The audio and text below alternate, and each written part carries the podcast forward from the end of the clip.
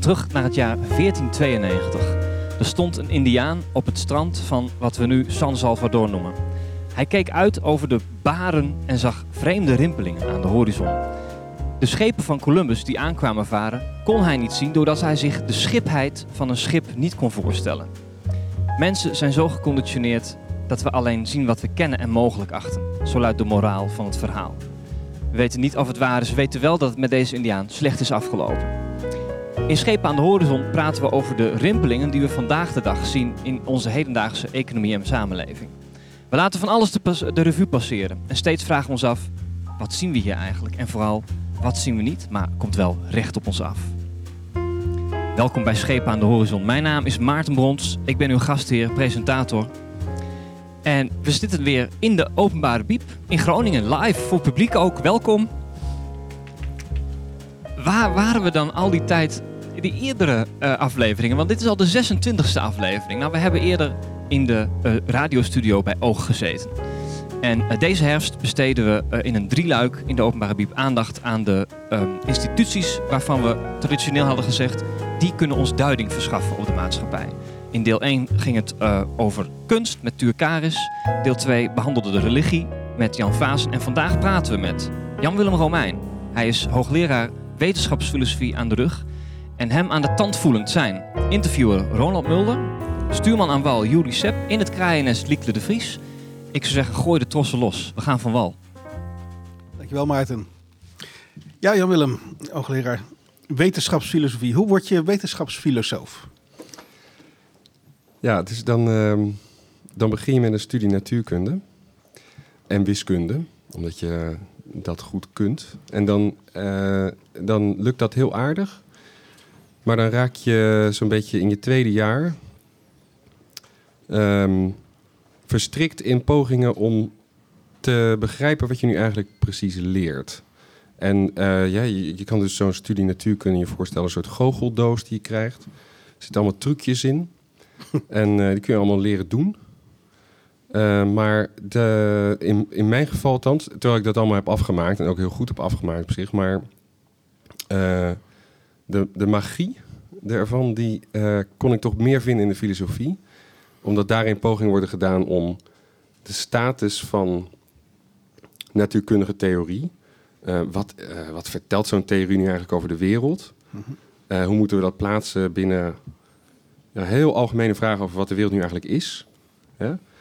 Dat, soort, dat soort zaken worden eigenlijk in de filosofie meer um, aangeboord of aangesproken dan in de natuurkunde zelf, vond ik althans toen.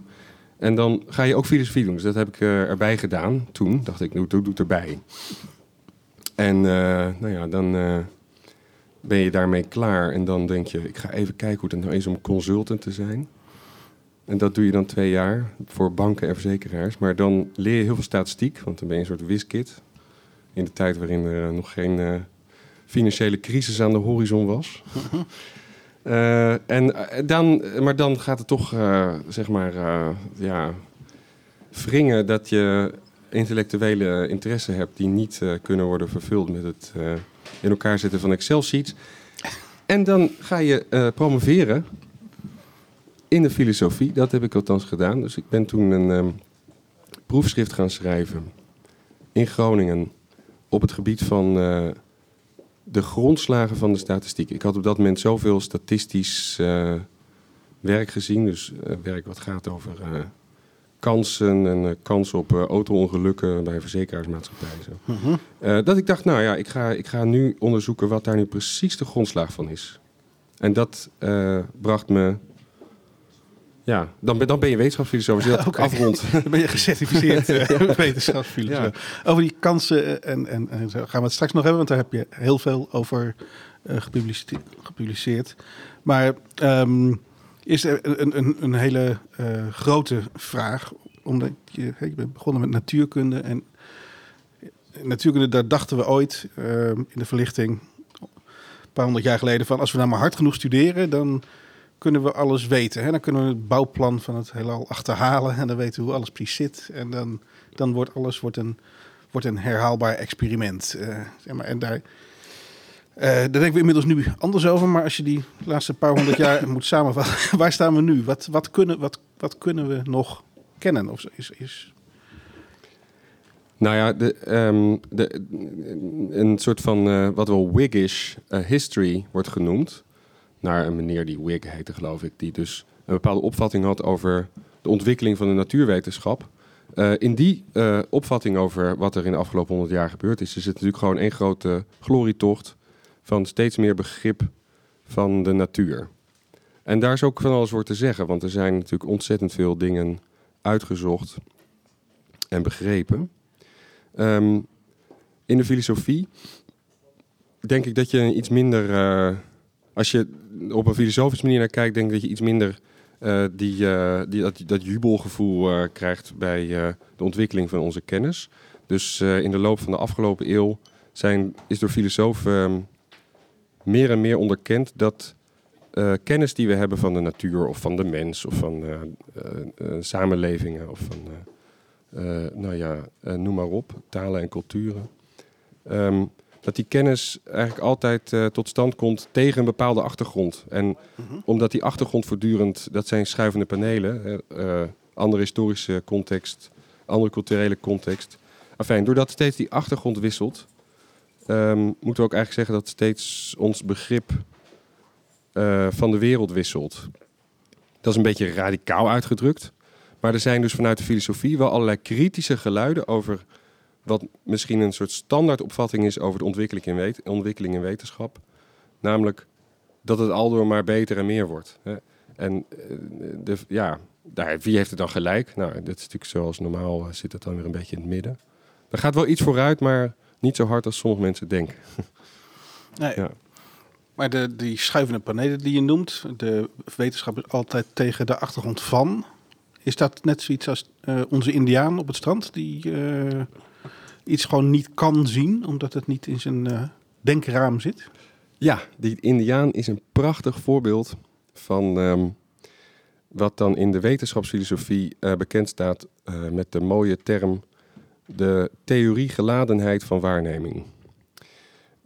Dus de theorie-geladenheid, dat wil zeggen, je hebt een waarneming, maar die. Uh, ja, waarneming is gebeurtenis, dus ik, ik zie hier nu jou, hè, dus, en dat, is een, uh, dat gebeurt. Maar op het moment dat ik dat probeer te stollen of te fixeren in een feit, namelijk dat jij hier staat, of zoiets, of wie jij bent, op dat moment uh, maak je toch gebruik van um, een bepaald denkkader van waaruit je opereert. Dat jij bijvoorbeeld een naam hebt en dat je een mens bent en zo. Ja, het zijn allemaal toch achtergronden waartegen je een bepaald idee van de wereld in de lucht houdt. En, en dat doet die Indiaan op het strand ook, want die, ja, nou, daar, daar is het verhaal. die Indiaan zei, of hij ziet wel iets, maar kan niet zeggen wat, omdat het, het raamwerk van waaruit ze iets ziet, ja, die laat helemaal geen plek open voor uh, zo'n soort schip als waarmee Columbus kwam aanvaren. Dus in zekere zin bestaat het niet. Alleen maar omdat, ja, maar dat moet je nou net niet zo zeggen, maar het bestaat niet, als het ware, het bestaat niet omdat het, omdat het ondenkbaar is. Omdat hij, ja. niet, omdat hij niet kan duiden, omdat hij niet kan... Ja, dus de, de, de theorie of de, het denkkader of uh, het conceptuele schema of uh, nou, zijn al talloze, de taal waarin je spreekt, zijn al talloze benamingen voor het ongeveer hetzelfde idee. Uh, dat, dat denkkader speelt een hoofdrol in wat je uiteindelijk ziet en hoort of waarneemt. Hm. Ja. ja, en dat is bij de Indiaan zo en dat is ook in de wetenschap zo, denk ik. Oké, okay. nou is wel... Um... in ieder geval in sommige wetenschappen, ik, ben, ik, ben, ik heb dan ooit economie gestudeerd. Daar, um, dus ik weet niet of dat voor andere wetenschappen ook, ook zo is, maar in economie is het typisch zo dat er is een heel, heel dominant paradigma. Uh, alle academische economen moeten eigenlijk op een bepaalde manier kijken naar de werkelijkheid, anders worden ze niet serieus genomen. Dat is, um, dat is dan niet zo handig om um, kennis op te doen. Als iedereen op dezelfde manier kijkt, dan zien iedereen ook hetzelfde. Dat, als je begrijpt wat ik bedoel. Ja, ja, daar is heel veel over te zeggen. Nou, het is, uh, um, er zitten heel duidelijk twee kanten aan. Dus um, inderdaad, een bepaald, um, wat dan sinds Thomas Koen, een uh, belangrijke wetenschapshistoricus en wetenschapsfilosoof uit de vorige eeuw, wel een paradigma heet. Een vreselijk uh, woord, want daar zijn geloof ik, heeft iemand ooit uitgerekend, 62 verschillende interpretaties van. um, maar oké, okay. uh, ah, ja, fijn. Dus je, je werkt vanuit een bepaald paradigma en dat brengt een bepaald... Uh, dat brengt met zich mee dat je bepaalde kennis gewoon wel gaat um, krijgen en andere kennis, ja, die blijft als het ware uit buiten beeld. Ja. En uh, je zou kunnen zeggen, oh, dat is nou jammer. Dan, dan mis je iets. Maar het, en dat is zo. Dus um, het is voor een wetenschap gezond om een uh, zekere mate van diversiteit in zich te herbergen. zodat allerlei verschillende wetenschappers van allerlei verschillende kanten allerlei verschillende zaken kunnen benadrukken die allemaal te maken hebben met, met het gemeenschappelijke punt van interesse. Bijvoorbeeld de economische werkelijkheid, voor, voor wat dat dan is. Maar het is ook weer, en dat, daar kun je zelfs in de wetenschap, uh, in de wetenschapsfilosofie um, uh, allerlei argumentaties voor leveren. En dat wordt dan ook wel gedaan door mensen. Het is ook weer nuttig om tot op zekere hoogte uh, koppig te zijn. en juist um, niet steeds maar te zeggen: Oh, maar ik kan het ook wel anders bekijken. Of als ik nou een beetje een ander begrippenapparaat ga gebruiken, dan, dan ziet het er toch weer anders uit. Of dan betekent het weer wat anders voor me. Het is ook nuttig om zo nu en dan juist heel eenzijdig een onderzoek te starten en dat onderzoek door te zetten.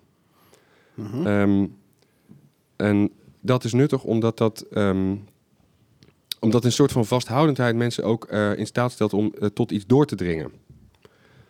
Uh, ja, dus, dus, dus een beetje dogmatisch zijn is, is niet alleen maar uh, schadelijk voor kennisontwikkeling, zou je nee, kunnen zeggen. Nee, maar als iedereen op dezelfde manier en vanuit dezelfde hoek dogmatisch is, dan komen we volgens mij ook niet verder.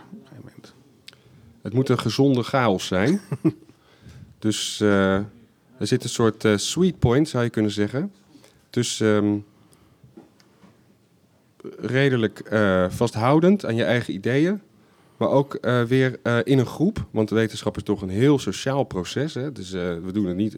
Het lijkt wel zo dat iedereen in zijn eentje een boekje zit te lezen. Maar het is ontzettend sociaal. Mensen zijn voortdurend bezig om met elkaar te bespreken van hoe zit het dan? Hoe denk jij er dan over? Dus, in, afijn, dus in dat sociale geheel is het ook heel belangrijk dat er voldoende variatie zit. Dus mensen moeten een beetje alleen gelaten worden in zekere zin, zodat ze wat dogmatisch kunnen zijn met zichzelf op hun eigen kamertje. Maar ze moeten ook in een groep ruimte laten voor allerlei andere gezichtspunten. dus, dus dat, daar zit een soort, um, ja, nou ja, optimaal punt. Ja. Nou ja, in elk geval is het, je hebt van beide heb je iets nodig. Ja, ja, ja. En um, in dat sociale uh, hoe zeg je dat? dat het is het sociale proces. Ehm, je komt samen verder, je probeert elkaar te overtuigen. Um, toch zijn heel, veel, heel vaak wetenschappers het ook helemaal niet met elkaar eens. Hè? Op, op hele belangrijke onderwerpen. Dus nu die klimaattop in, is aan de gang. En daar aan hele serieuze mensen staan aan beide kanten van de lijn. En de ene zegt van ja, er is iets aan de gang. En de andere die zegt van er is niks aan de gang. En nog een derde die zegt van ja, er is wel iets aan de gang, maar dat heeft niks met de mensen te maken. Ik denk, hoe, hoe over zo'n groot onderwerp, hoe kunnen wetenschappers zo met elkaar van mening verschillen? Ja, nou ja, dat is een, uh, uh, dat is een heel leuk voorbeeld. Wij hadden hier uh, in Groningen onlangs um, iemand op bezoek die heeft meegeschreven aan dat IPCC-rapport en die eh, bij ons inderdaad een lezing gaf over ehm, hoe om te gaan met diversiteit in expertoordelen. Um, en ja, je zou kunnen denken, nou ja, het zijn allemaal heel verstandige mensen uh, die allemaal ongeveer dezelfde gegevens hebben. Hoe kan het nou dat er toch nog zoveel uh, verschil in zit? Dat is overigens ook niet overal zo. Hè. Er zijn ook best wel wat dingen waar men het aardig over eens is. Mm -hmm. um, pardon, in een politiek in een politiek proces wordt dat nog wel eens vermalen. Dat er ook wel aardig wat uh, overeenstemming is. Omdat mensen natuurlijk belang hebben, sommige mensen belang hebben bij het suggereren van totale oneenigheid. Zo van ja, ze zijn er nog niet uit, dus wij, kunnen rustig doorrijden met onze auto. Maar, maar dat terzijde, dat is een mooi aspect, politiek aspect aan het suggereren van oneenigheid. Maar fijn, er is wel oneenigheid, die is er zeker. En um, ja, dat is misschien raar dat dat er is, maar je mag ook blij zijn Ehm, eh, om nog eigenlijk het punt wat ik net noemde in een andere context te herhalen, in deze context. Er wordt wel eens beweerd dat ehm, gemeenschappen eh, wijs zijn. Groepen zijn wijs. Mhm. Dat kun je zelfs wiskundig bewijzen. De Marquise de Condorcet eh, deed dat rond, rond de, zo rond de tijd van de Franse Revolutie. Liet dat zien. hè. Je kan, je- eh, de groep is wijs. Dat wil zeggen, eh, als je in een groep bent dan, eh, en je hebt gemeenschappelijk, eh, je hebt allemaal je eigen oordeel en je, je, je mikt het allemaal een beetje met elkaar, is de gemiddelde, is de gemiddelde oordeel heel aardig vaak. Ja, the wisdom of the crowd. Nee. Precies. Ja. En eh, nou, dat geldt dus ook zo voor een eh, groepje experts. Eh, die eh, allemaal een oordeel vellen over eh, eh, klimaat, eh, de toekomst van ons klimaat. En dus de diversiteit die je daarin aantreft, is ook precies nodig. Want je kunt laten zien dat zo'n eh, groep alleen wijs is als iedereen voldoende op zichzelf afgaat en, zich, en dus niet de ander de hele tijd maar napraat. Hè. Dus, dus ja, ehm, je kunt zeggen, goh, wat raar nou, wat jammer. Maar je kunt ook zeggen, gelukkig maar, want het geeft ons meer vertrouwen in het feit dat hun gemeenschappelijke, geaggregeerde oordeel aardig in de richting zit. Ja. Dus dat moeten we eigenlijk doen. We moeten niet proberen ze tot overeenstemming te laten komen. We moeten gewoon turven wat ze allemaal zeggen. En dan het gemiddelde daarvan, dat is ongeveer de waarheid. Nou, ik denk ook wel, kijk, in sommige gevallen, eh, ja, dat is, hier is dat misschien zo. Maar in, in andere wetenschappen denk ik dat het ook wetenschappen zijn die op, waarvan je zou kunnen denken, oh, die zijn nog op zoek naar een soort perfect perspectief. Hè? Dus in de we- natuurwetenschap wordt wel gedacht, ja, eh, eh, sinds Galileo Galilei hebben we dat gewoon, dat we de natuur kunnen beschrijven met wiskunde. Alsof God het als wiskunde heeft opgeschreven. Is eigenlijk heel wonderlijk als je daarover nadenkt, dat de wiskunde, als het ware, mysterieus verstopt zit in de werking van de natuur. Maar dat wordt eh, eh, gedacht hè, en dat heeft heel, is een heel effectief eh, idee geweest. Heeft ongelooflijk veel opgeleverd. Ehm, nou, dat is een heel mooi voorbeeld van een heel succesvol perspectief op de natuur. En dan kijk je naar de psychologie. Ik heb na mijn promotie een tijdje bij psychologen gewerkt. En daar zie je een ongelooflijke variëteit aan benaderingswijzen. Van evolutionair psychologisch tot aan cognitief psychologisch en neuropsychologisch en nog veel meer. En daar zou je kunnen zeggen, ja, eigenlijk is dat een wetenschap die is op zoek naar het perspectief, dat, naar de killer application als het ware. Naar de... Kijk, als je het nou zo bekijkt, dan vallen ineens alle puzzelstukjes op hun plek. De biologie, zou je kunnen zeggen, heeft dat eh, punt bereikt toen Darwin kwam met zijn evolutietheorie. Kun je over twisten hoor, maar ja, dat was wel wat. En eh, ja, dus de vraag is een beetje, eh, ja, moeten we eh, gewoon turven wat mensen vinden en dan een beetje bij elkaar mikken? Je kunt ook zeggen, nou, je moet in sommige wetenschappen nog een beetje doormodderen en zoeken naar dat ene perspectief wat gewoon bijzonder veel oplevert. Ja, ja. Zou je kunnen zeggen dat dat pluralisme uiteindelijk zorgt voor, waar het begin over had, misschien die magie. Eh, dat je niet één perspectief hebt, maar juist eh, dat speelveld dat zorgt voor die vooruitgang in de wetenschap. Nou, dat is wel eh, in, in de volgende zin kan ik daar heel goed aan relateren. Dat het feit dat je verschillende benaderingen kunt kiezen, gevoel geeft voor het feit dat je mm, niet als een aapje een paar kunstjes zit te leren, maar dat het echt over iets gaat. Je kunt de, ja, die wonderlijke wereld die je zou willen begrijpen, die kun je op de een kennelijk zo benaderen en zus benaderen. En, en daar, het feit, het gevoel dat je daarin wat te kiezen hebt, dat geeft je eh, veel meer die intellectuele uitdaging van wat zit er dan daar? Hè? Eh, het is, dus, dus je zou kunnen zeggen, nou, het maakt het relatief aan hoe je er zelf naar kijkt. En dat is eigenlijk heel flauw of zoiets. Maar nee, nee, het geeft je juist een gevoel van, ja, het doet er dus kennelijk toe. Dit perspectief levert me dit op. Dat levert me dat op. Er zit daar dus iets wat ervoor zorgt dat sommige perspectieven werken en andere niet. Dus, en dat is wel echt heel iets magisch, denk ik. Maar goed. Iets, iets magisch. Volgens mij gaan we ook luisteren naar iets magisch. Ehm, je hebt een plaat meegebracht, Jan Willem. De Goldberg variaties. Is dit, is dit ook een sweet spot en een nieuw gezichtspunt van de koppige Bach? Nou ja, dus ik, ik, eh, ik heb onwijs veel moeite gehad om eh, muziek te kiezen. Omdat eh, natuurlijk als je eenmaal gaat ken- denken van, goh, wat is mooi. Ja, dan blijken er zoveel dingen in je muziekkast te staan die mooi zijn. ja. Eh, maar dit is ehm, eh, gewoon muziek die mij heel dierbaar is. En waarvan ik denk dat iedereen die al kent. Maar dan denk ik, nou ja, mocht je het niet kennen, dit is echt zo mooi. Dat moet je gewoon luisteren. En het is ook wel interessant wat hier gebeurt, want die zingende oude man die speelt, je, ho- je hoort hem ook zingen als je goed Hij luistert. neuriet mee, hè? Hij neuriet mee, ja. Die geeft een draai aan, die neemt een perspectief op die muziek van Bach, die wel, ja, waar, waarmee, dat, je zou kunnen zeggen, het is het optimale perspectief op die, eh, op die muziek, ja. Ja, prachtig is het. Tweet gerust met ons mee met de hashtag SADH. Eh, mijn naam is nog steeds Maarten Bons. Wij spreken vandaag met Jan-Willem, Romein, Ronald Mulder en Juri Sepp in het KNS Liekle de Vries. Dit is Scheep aan de Horizon en nu de Goldberg-variaties van Bach.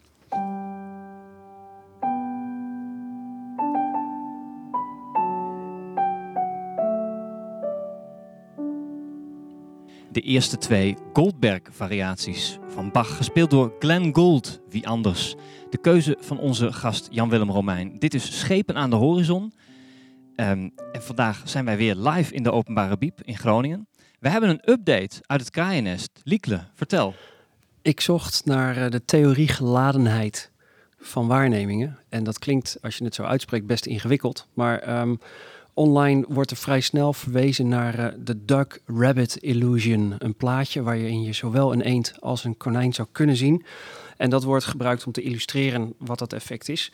Eh, komt eh, uit een boek van Thomas Kuhn, Koen over eh, The Structure of Scientific Revolutions. En met dat plaatje erbij weet iedereen in één keer van ja, dat is natuurlijk hartstikke logisch. De een zal er eerder een eend in zien en de ander eerder een konijn.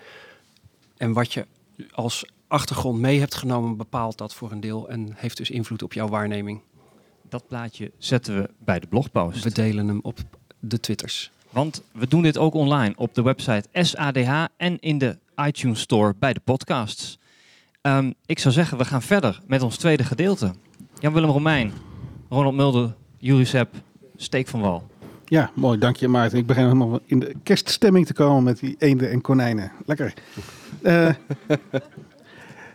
het, tweede deel. eh ja, Willem, wou ik het hebben over jouw, eh, jouw, jouw specialiteit, hè, de statistiek, kansen. Ehm, we zijn eraan gewend geraakt dat heel veel wetenschappelijke beweringen niet meer eh, zijn in de vorm van als dit, dan dat. Maar eh, als dit, dan is er 97% kans dat iets anders. En Hè, de, dus de, het eh, Weer Online zegt van... De kans op neerslag morgen in Groningen is 58% En bij dat soort uitspraken denk ik altijd, wat, wat betekent dat eigenlijk? Ja, nou dat denk ik ook hoor. ja, Ah, gelukkig. dus eh, dat, daar gaat mijn onderzoek op dit moment voor een heel groot gedeelte over. Wat eh, is daar dan voor interpretatie aan te hechten? En eh, een, een, ehm, een mogelijke interpretatie, als je bijvoorbeeld in een medische context kijkt, van zo'n bewering als ehm, er is een kans van eh 80% dat u ouder wordt dan 80 jaar. Hè? Ehm, nou, die, die is misschien nog wel te begrijpen, want een, een eerste associatie is dan. Ehm, Oké, je hebt mensen, bijvoorbeeld 100 mensen die een beetje zijn zoals jij. Eh, die lijken op jou op de relevante manieren. En eh, die zitten samen en eh, nou, die laat je gewoon met elkaar leven. En dan kijk je wanneer ze 80 zijn, hoeveel er nog over zijn. En dat zijn er dan 80 van de 100. Zie je? Dat zou het dan kunnen betekenen. Want dan heb je een groepje en daarbinnen heb je een proportie. een verhoudingsgewijs, zoveel wel, zoveel niet. En dan heb je een kans. Nou, eh, eh, nu zeg ik bijvoorbeeld eh, de kans dat ehm, eh, de aardbevingen in de komende jaren in Groningen zullen verergeren of zoiets. Hè? Ja, dan, dan kun je niet zeggen, oh dat geeft niks. We nemen gewoon een stuk of 100 Groningens en die zetten we allemaal naast elkaar, ergens in de midden in de Stille Oceaan. En dan gaan we eens kijken in de komende jaren hoe het eruit ziet. Onmogelijk, want je hebt niet zoiets als, je hebt er maar één. Hè? Ja, En, en dan wordt het heel moeilijk om te zeggen wat een kans is. Ook als je eh, gaat zeggen met die medische kwestie, dan wordt het bijvoorbeeld heel moeilijk om te zeggen wie lijkt, wie lijkt er dan genoeg op jou? Wie hoort dan bij die 100 mensen? Zie je dus eigenlijk heb je daar hetzelfde probleem, maar dan is het ja een beetje meer ik verstopt. zie nog, wel- ja, nog afgezien van het feit dat het 80 jaar duurt voordat je die kans kan vaststellen. Hè, of je moet kijken wat er gebeurd is met mens- mensen die 80 jaar geleden geboren werden. Maar in hoeverre lijken die op mensen die nu geboren worden? Ehm, Ja. Het wordt alleen maar moeilijker. Nou, dus nog los van dat je niet eens precies weet wat het betekent om te zeggen de kans dat u zus of zo is, dit of dat. ehm, loop je hier, want daar verwijs je er eigenlijk eh, nu naar, loop je ook tegenaan dat het dus ongelooflijk moeilijk is om dan een kans vast te stellen.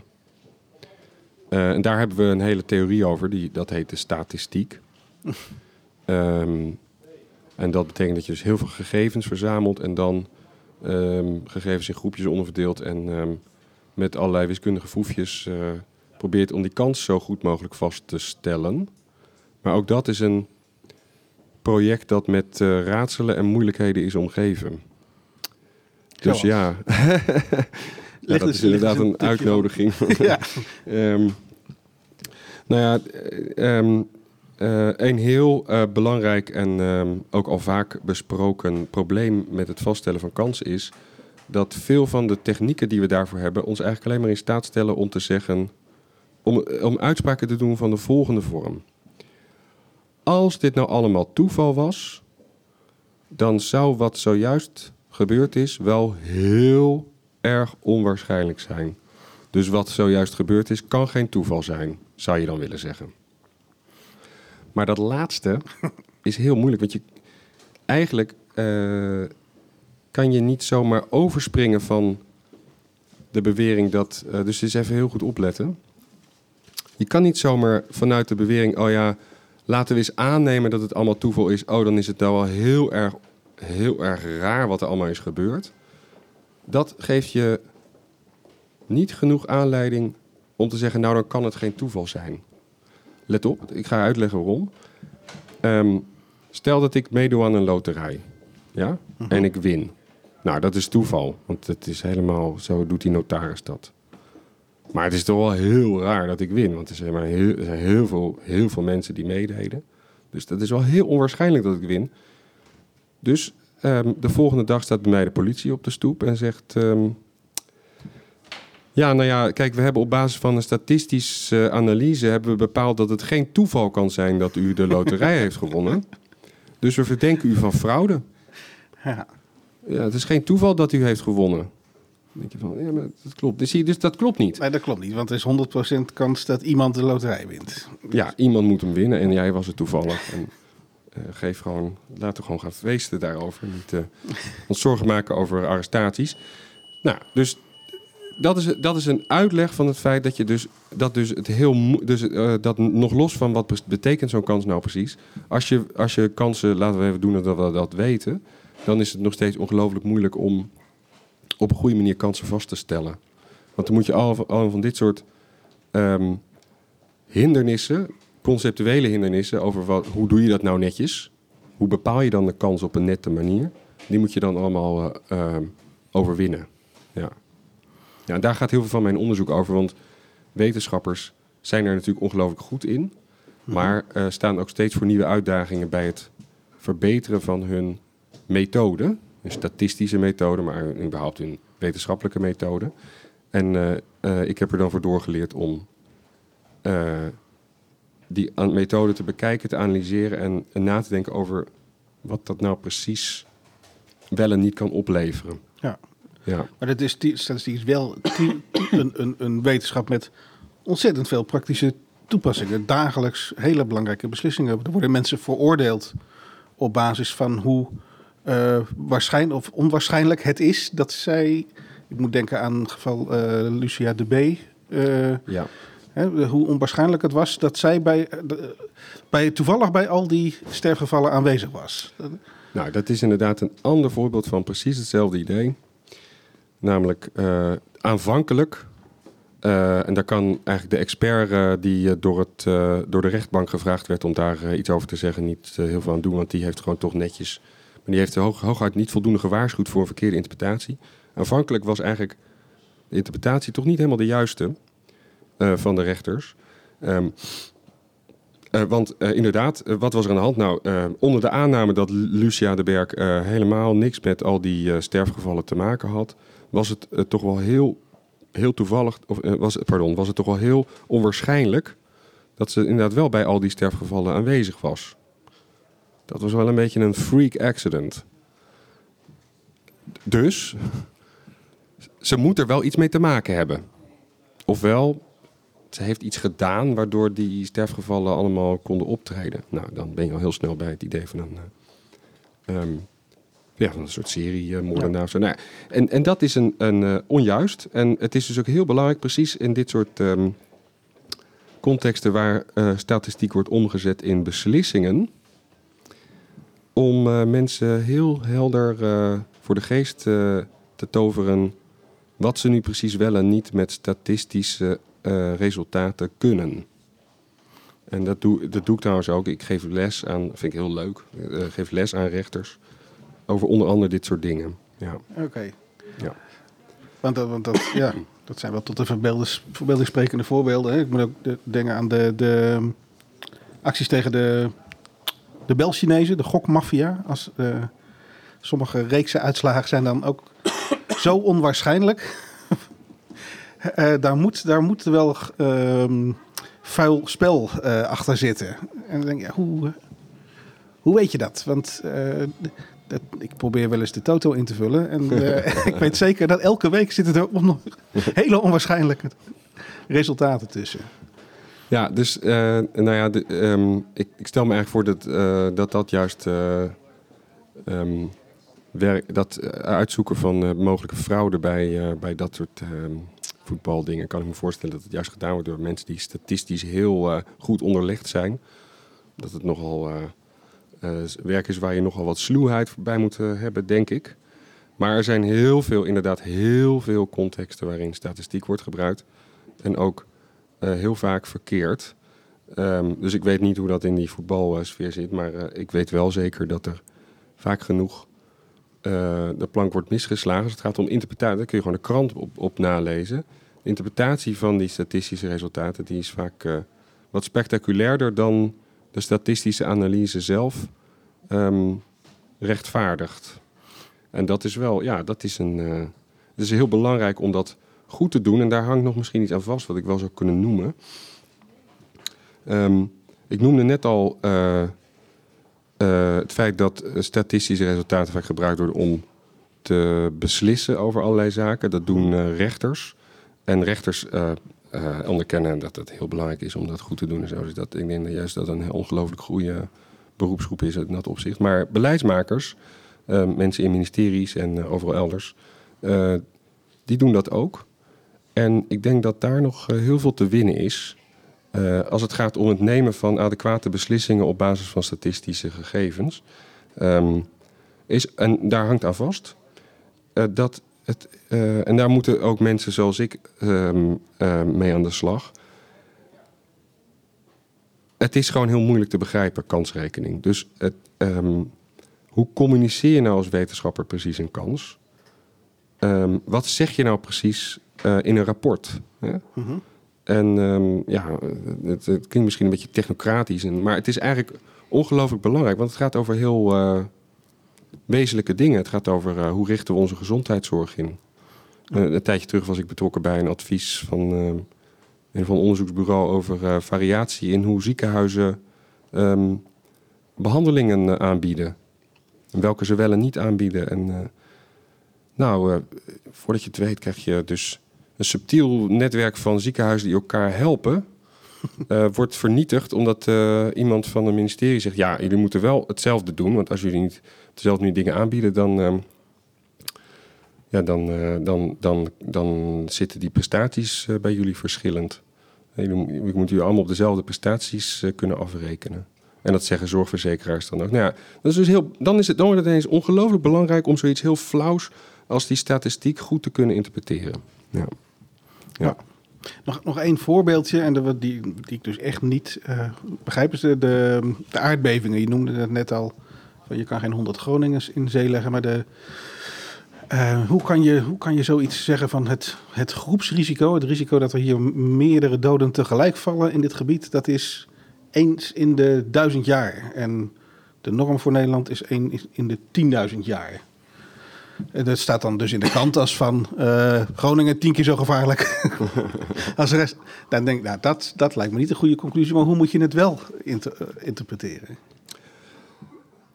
Nou, dus eh, dat is leuk, want het, eh dat is ook een hele discussie in mijn vakgebied. Hoe, rapport, dus, eh, ja, hoe rapporteer je het? Nou ja, dus eh, zo'n relatieve maat. Het is hier tien keer gevaarlijker dan elders. Dan denk je, oh, wegwezen. Maar we, hebben het over een verschil tussen een kans van 1 op 1 miljoen of een kans van 1 op 100.000, bijvoorbeeld.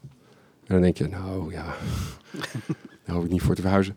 Zie je, eh, en dat is dus, het is belangrijk dat je absolute kansen rapporteert. Maar dan is het weer belangrijk dat iedereen snapt wat die betekenen. Ja, ja dus ehm, eh, werk aan de winkel. Goed, laten we het daar maar op houden. En dat terwijl we in Groningen nog wel gewoon op straat vrij kunnen rondlopen. Ik heb wel eens van iemand gehoord die was eh overzees. En nou, dat was eh, een paar meter een taxi inlopen al bij wijze van spreken gevaarlijk. We gaan luisteren naar eh, nog een stuk uit jouw muziekcollectie. Zullen we daar vooraf kort iets over zeggen? Nina Simone, daar was er ook maar één van, hè? Ja, nee, dat wil ik wel over zeggen dat dat ook een geweldige pianist is. Je kunt denken dat ze een zangeres is, maar ze is eigenlijk volgens Ze mij... deed het ook vaak tegelijk. Ja. Dat is nog knapper. Hoe groot is de kans dat... Nee, goed. En ze zingt er dus ook bij, net als Glenn Gould. Ja. Eh, ja, maar dan wel op een hele andere manier. Ehm, je hebt een standaard uitgezocht, Love Me or Leave Me. Zullen we daar nog iets over zeggen? Of gaan we gewoon luisteren? ja, gaan we gewoon luisteren. Love Me or Leave Me. Nina Simone.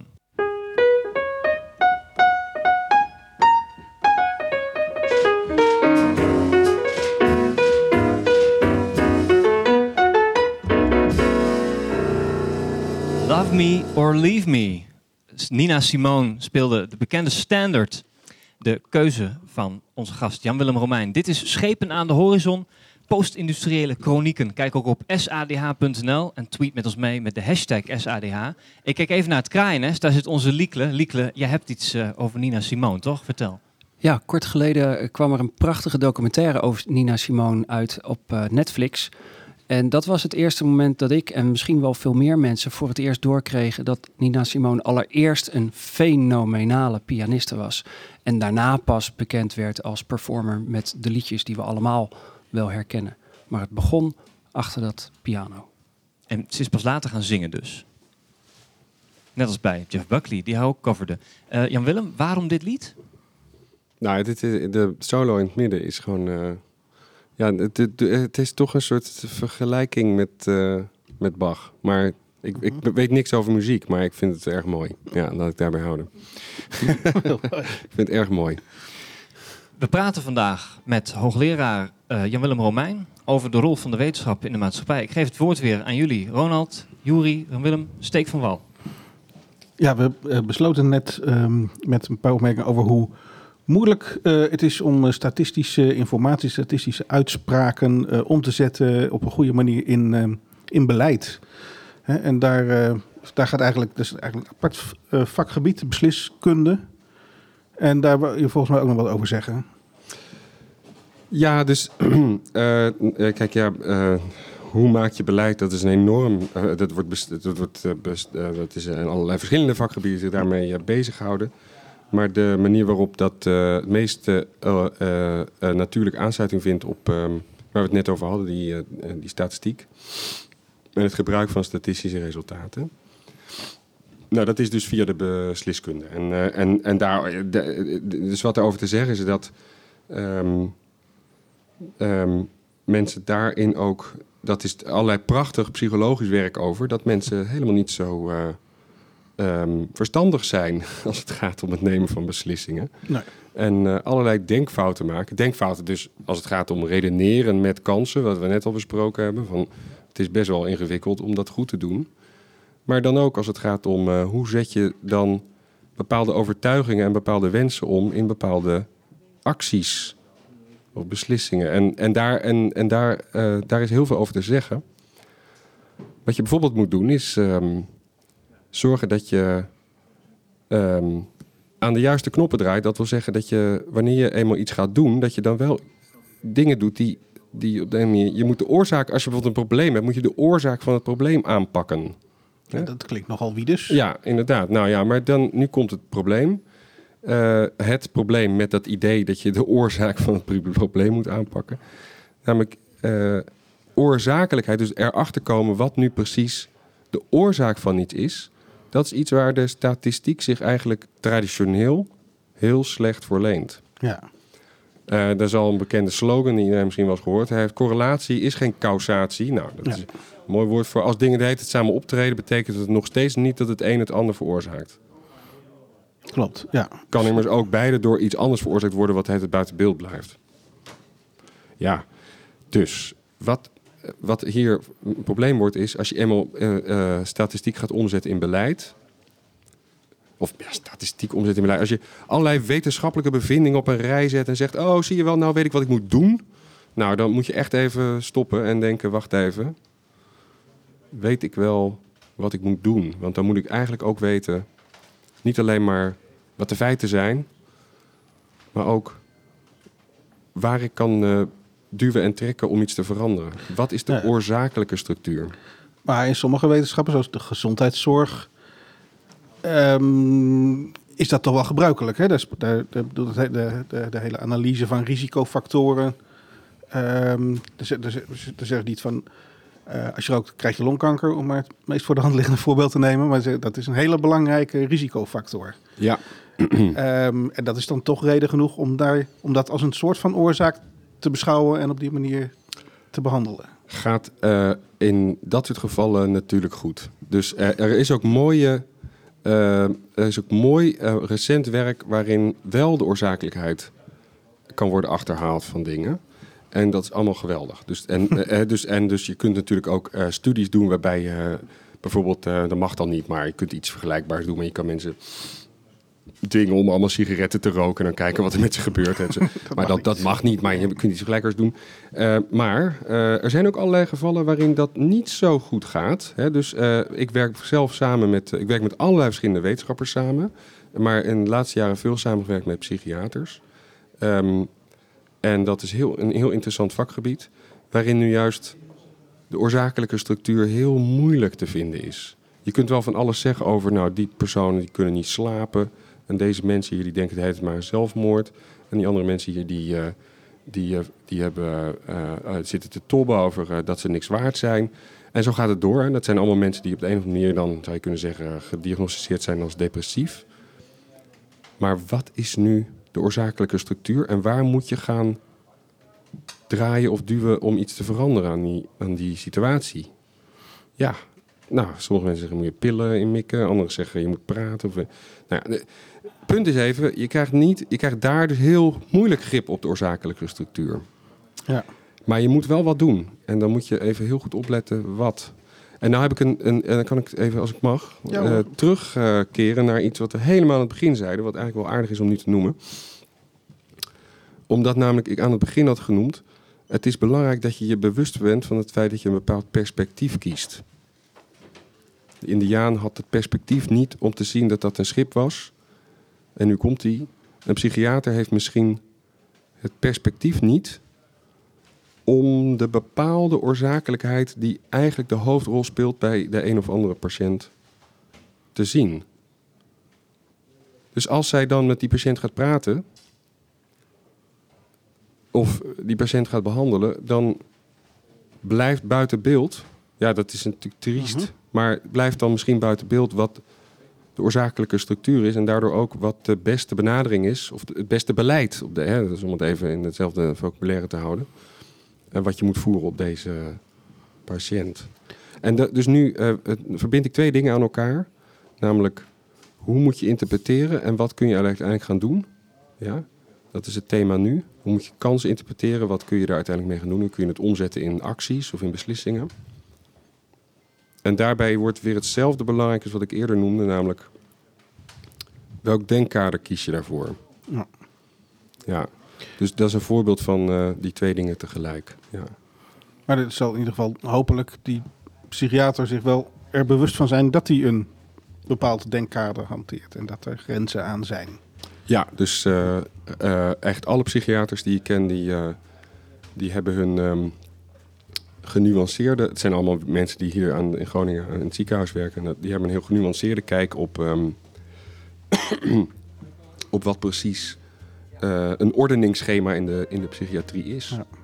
Een ordeningsschema als de, de, de DSM, het, eh, waarmee je mensen diagnosticeert. Het handboek dat daarvoor wordt gebruikt.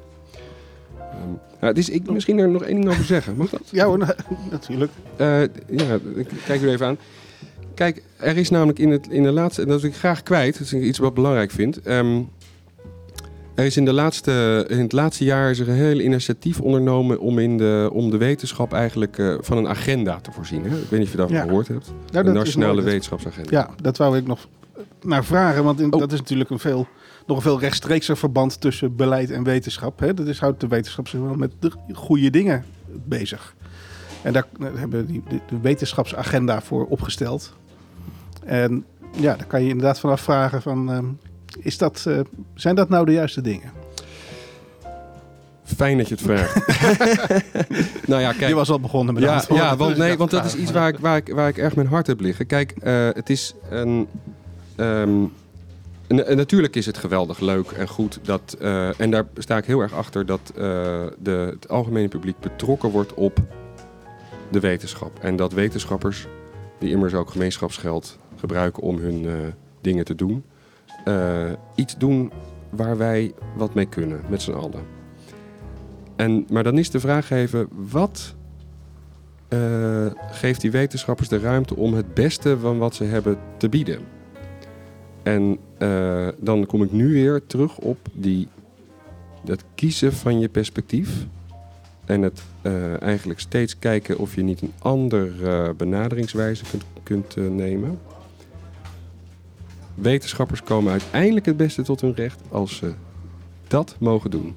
En dus dus moet je ze niet gaan vertellen, je moet dit en dat onderzoeken en je moet kijken naar etnische verschillen of je moet kijken naar eh, energieproblematiek op de manier van eh, de economen.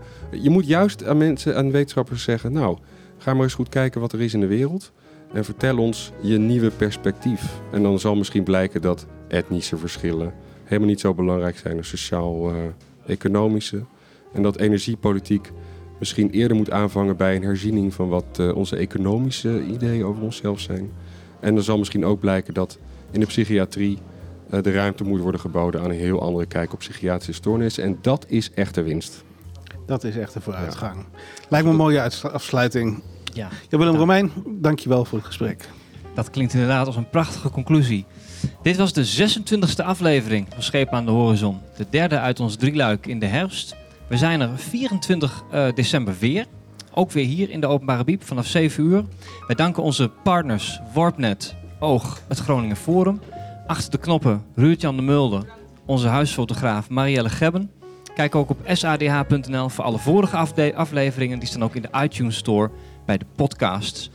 Ehm, ja, ik denk dat wij nu eh, de Wolthoorn ingaan om dit nog eens even rustig te laten bezinken met een goed glas bokbier in de hand. Tot de volgende keer. Bedankt. Goed.